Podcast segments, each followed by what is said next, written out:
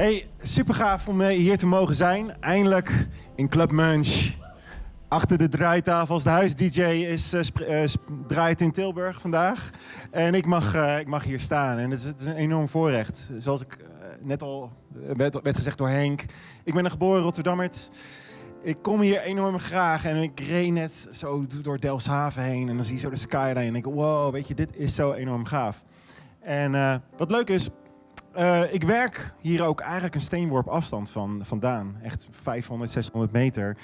En het jammer is wel van ja, ik ben nu al een half jaar ongeveer niet meer op kantoor geweest. Want wij eh, gaan, gingen volledig eh, online, volledig thuiswerken. En ik mis het wel enorm eigenlijk. En daarom vind ik het super mooi om juist weer even zo'n moment te hebben. Dat ik weer echt even naar mijn stiekem toch wel mijn lievelingsstad hier in Nederland mag, mag gaan.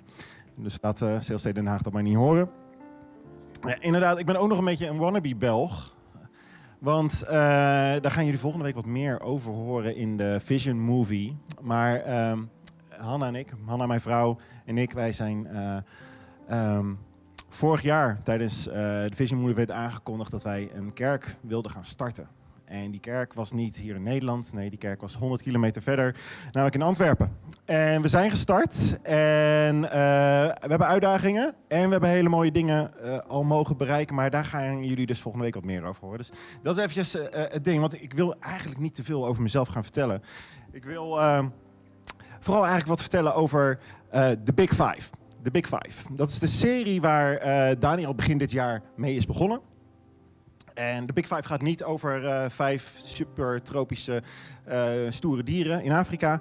Gaat ook niet zozeer over de schijf van vijf. Van welke dingen moet je nou eten om een supergoed gezond leven te hebben. Nee, de Big Five gaat eigenlijk over vijf dingen waarvan wij het gevoel hebben van ja, volgens mij als je op deze velden let in je leven, zie je dat er. Ja, welk cijfer zou je jezelf ervoor geven? Waar, waar zit de groeimarge? Waar zit, waar zit de ruimte voor jou om er nog meer uit te halen dan je tot nu toe hebt gedaan? En zeker in januari, want behalve dat het inderdaad vogeltjestel weekend is. Dankjewel. eh, Is het ook nog het laatste weekend van, van, van januari? En jullie hebben ongetwijfeld allemaal hele goede voornemens gehad. En ik weet niet eh, wie van jullie hier helemaal dry is gebleven deze January. Eh, of eh, ik weet niet wat jouw doel is geweest. Misschien wilde je wel een paar kilo gaan afvallen. Eh, ik ik werd gevraagd door Daniel om, om te zeggen van... Erik, wil jij, wil jij iets in die serie doen? En ik zei ja, is health al gedaan? Of gezondheid? Hij zegt, nou, hoe staat het met je coronakilo's? Ik zeg, nou, wat, wat, voor onderwerpen zijn er nog meer? Dus mijn onderwerp waar ik vandaag over mag hebben is your workplace. Wie houdt er van werk? Yes, wie houdt er van werk? Heel goed, heel goed. Mensen ook online? Houden jullie van werken? Ik hoop het. Laat even weten waar je werkt als je, als je achter de chat zit. Hey, super cool, super cool. Hey, ik ga het vandaag hebben over werk. En ik weet dat het natuurlijk ook gewoon een spannend onderwerp. Want eh, kijk, niet iedereen heeft op dit moment werk. Sommigen zitten in een hele lastige situatie. Eh, misschien heb je een eigen bedrijf en, en heb je dingen moeten, moeten eh, nou ja, terugschakelen. Heb je bepaalde dromen mo- moeten begraven of op pauze moeten zetten. En ja, weet, weet dat ik je voel. Weet dat ik dit snap. En weet dat, we, dat je ook dit soort dingen gewoon bij God mag brengen. Weet je, de, dromen die hij in je hart heeft gelegd, zijn er niet voor niks. En weet je, ik geloof dat er licht is aan het einde van de, van de tunnel. Maar het is nu doorbijten. En op een, ja, in een sfeer van nu, in een kerk, denk ik van ja, dit is de plek waar je opgebouwd kan worden. Waar je ook gewoon je frustraties kan delen. En waar je eh, nou ja, ook vanuit Gods woord dingen kan horen waarvan je denkt van oké, volgende week gaat het beter. Vanaf vandaag, ik zet er een streep onder. Ik ga nu kijken met een stuk nieuwe hoop. Dus dat is wat ik, hetgeen wat ik jullie probeer te gaan brengen vandaag over de workplace. En ik heb het maar eventjes genoemd. De Big Five. Work, work, work, work, work. Yes. Tekst van onze denker Rihanna. Even kijken hoor, sorry. Yeah. Hey, uiteraard, weet je, als je, als je mag spreken, is natuurlijk de eerste bron waar je naartoe gaat, is de Bijbel. Uiteraard. Maar wat ook heel erg helpt, is dat je soms ook even kijkt naar Google. Want ik dacht van ja, laat, laat, ik, laat ik eens eventjes ergens mee beginnen. Want we gaan het over werk hebben, maar hoe zit nou de gemiddelde Nederlander vandaag op zijn werk? Nou, de, uh, ik heb geen recent onderzoek, maar ik heb wel een onderzoek gevonden wat precies ging onderstrepen het punt wat ik, uh, wat ik wilde maken. Want daar heb je natuurlijk ook Google voor. Er zijn genoeg onderzoeken, er is wel een onderzoek wat helpt om je punt te maken. Maar ik heb iets gevonden van voor de coronaperiode op carrière.nu. En daar stonden een paar leuke, interessante feitjes. Een beetje deprimerend, maar weet je, dan kan ik laag beginnen, kunnen we daarna mooi omhoog klimmen. Hier, 36% van de mensen op werk doet zich op kantoor anders voor dan dat hij daadwerkelijk is. Oh, erg. Oh, en deze, deze is ook erg. 40% van de Nederlanders is ontevreden over een baan. Dus, en dat is 2 op de 5. Dus als je met vijf mensen in een call zit, zijn er gewoon twee diep ontevreden. Misschien wel omdat jij daar bent. I don't know. Deze is ook wel aardig. Nou, hier, 87% van alle mannen vindt het werk het allerbelangrijkste in hun leven. Dus je zou er maar mee getrouwd zijn. En oh, deze is ook aardig. Want ik bedoel, als, als een man een veeg uit de pan krijgt, krijgt een vrouw dat ook. Hier, de gemiddelde vrouw werkt 29 uur per week. En daarmee bungelt zij onderaan in, uh, uh, ten opzichte van de vrouwen in Europa. Dus uh, ook dat. Oh, uh, ja, voor het geval dat we, je denkt van, goh, ik ben nog een beetje trots op mezelf. Nee, hier, we werken gemiddeld 600 uur korter dan onze voorouders die in de jaren 60 werkten. Dus als we druk hebben, nou moeten we eens nagaan denken hoe het 80 jaar geleden was. Het was nog veel drukker. Ja, en hier, deze ook aardig. Uh, over angst. 14% van de mensen gaat naar het werk toe of zit online thuis te werken. En heeft het gevoel van, wacht eventjes, dit zou wel eens mijn laatste werkdag kunnen zijn. 14% leeft in een angst dat ze elk moment ontslagen kunnen worden. Maar dat is maar voor 1,7% ook daadwerkelijk een reële angst. Maar het, zegt, iets, zegt iets over angst. En ik dacht van, ja, weet je, laat ik inderdaad laag beginnen. Zodat ik wat hoger kan eindigen. Want je, iets wat enorm helpt, is als je naar de Bijbel kijkt. En het staat al in het eerste boek, in het eerste hoofdstuk. Van met wat voor doel zijn wij gemaakt? Ik geloof niet dat we, dat, we, dat, dat we zomaar op de aarde geplopt zijn om, en door God. En die zegt dan, oké, zoek maar uit. Good job, gaat lukken, ga, ga je gang.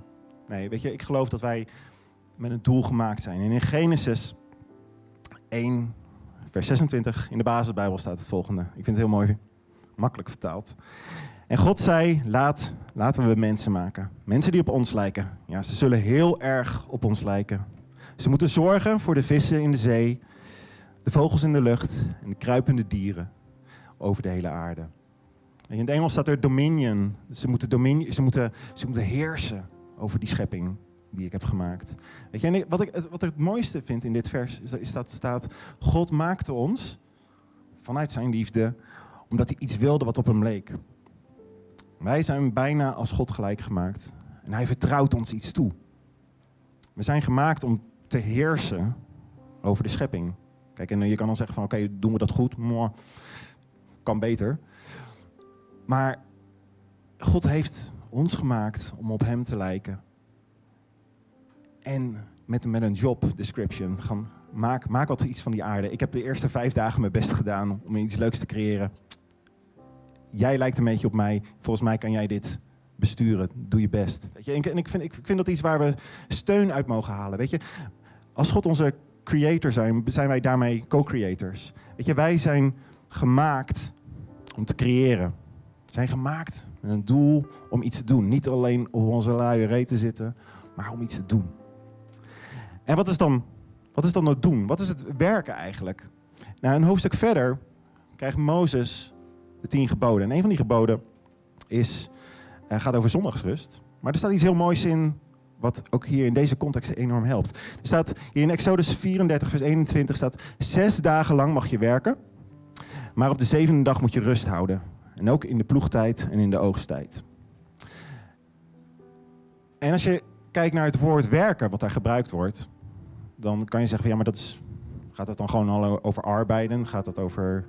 Wat, houdt het nou eigenlijk in? Nou, in het Hebreeuws, waarin de Bijbel is geschreven, of dit stuk, wordt het woord avoda gebruikt, avad. En dat betekent dienen, werken, aanbidden of eren. Weet je, dus het gaat meer over, over dan alleen werken. Het, het is niet zozeer dat we arbeiden. Nee, als wij arbeiden, eren we daarmee degene voor wie we dat doen. Als, als je arbeidt, aanbid je.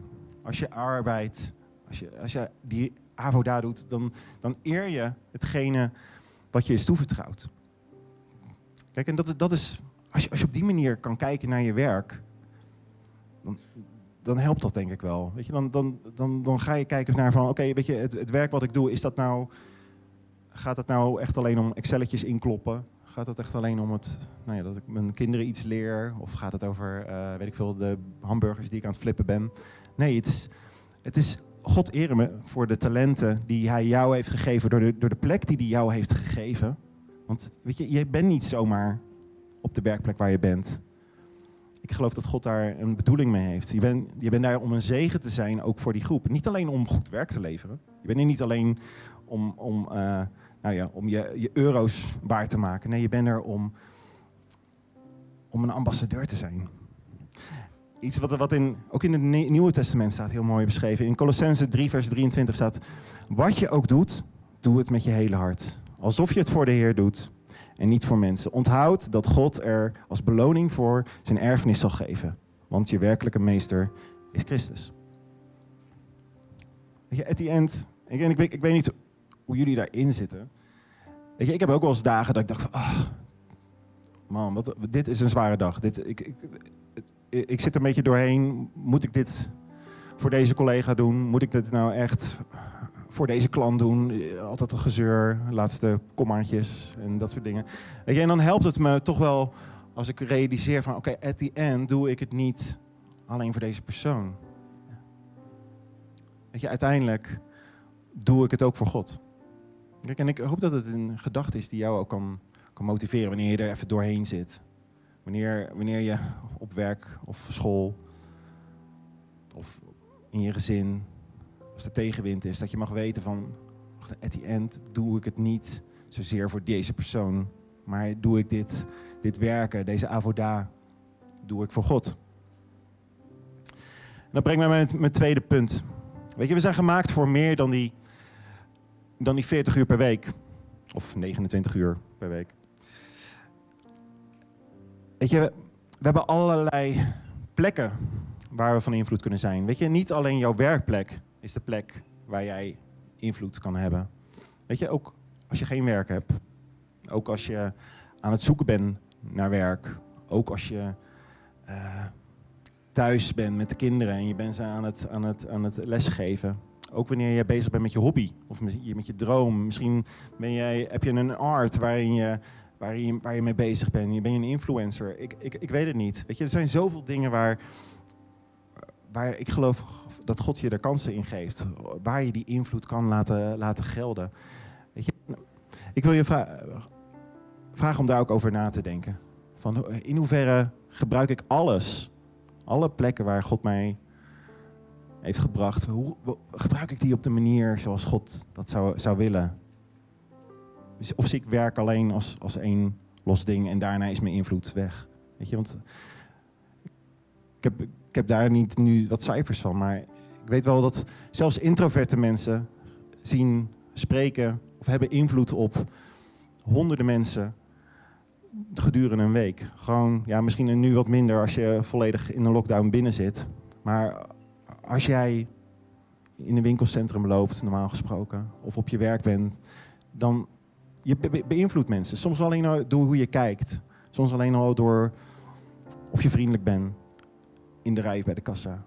Je, en dat, ook, dat, ook dat is je workplace. Ook dat is het veld waar, waar God jou kan gebruiken. En het zit in, in zulke kleine dingetjes. Maar ik denk dat wat, wat ik je net meegeef, dat het kan helpen om je focus, focus strak te hebben.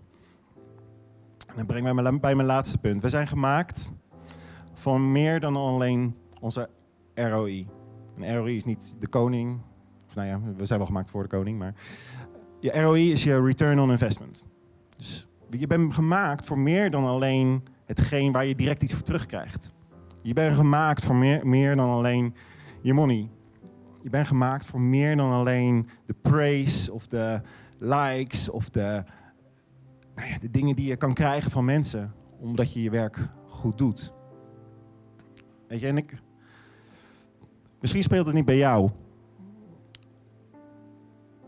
Maar weet je, op het moment dat geld voor jou de enige motivatie is om ergens te blijven werken of te werken, denk ik dat je jezelf tekort doet.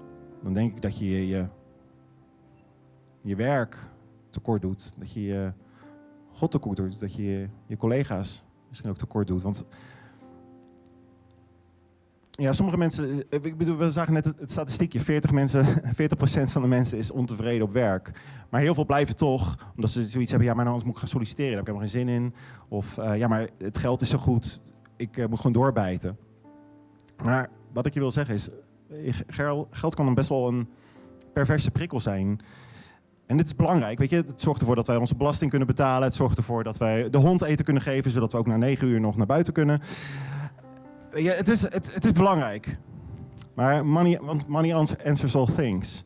Maar waar, waarvoor, je moet waken is dat je in een omgeving komt waar, waar een mentaliteit is van het is nooit genoeg. Ik wil meer, ik wil... Ik, ik, ik gebruik mijn ellebogen om meer te krijgen en ik, ik, ik ga het ownen, hetgeen wat mij toekomt. Ja, uiteindelijk, en dat zei net Henk ook al in zijn, in zijn, in zijn praatje, uh, weet je, het is God die je ook voorziet. In de Bijbel staat ook duidelijk van zoek eerst het koninkrijk van God en de rest zal je gegeven worden. Ik geloof dat dat een, een, een basisprincipe is waar vanuit je kan lezen, leven en waar vanuit je uh, nou ja, op een veel relaxtere manier ook om kan gaan met je werk. En veel meer kan focussen op van oké, waar, waarom heeft God mij hier geplaatst? Waar, waarom kan ik hier mijn talenten laten zien? En van wat voor invloed kan ik zijn op, voor de mensen die daar omheen geplaatst zijn? Ik wil je twee confronterende vragen stellen. En dat zijn vragen waar je misschien lekker op kan gaan kouwen in de komende week. Veel van jullie zullen ook gaan mee gaan bidden en vasten.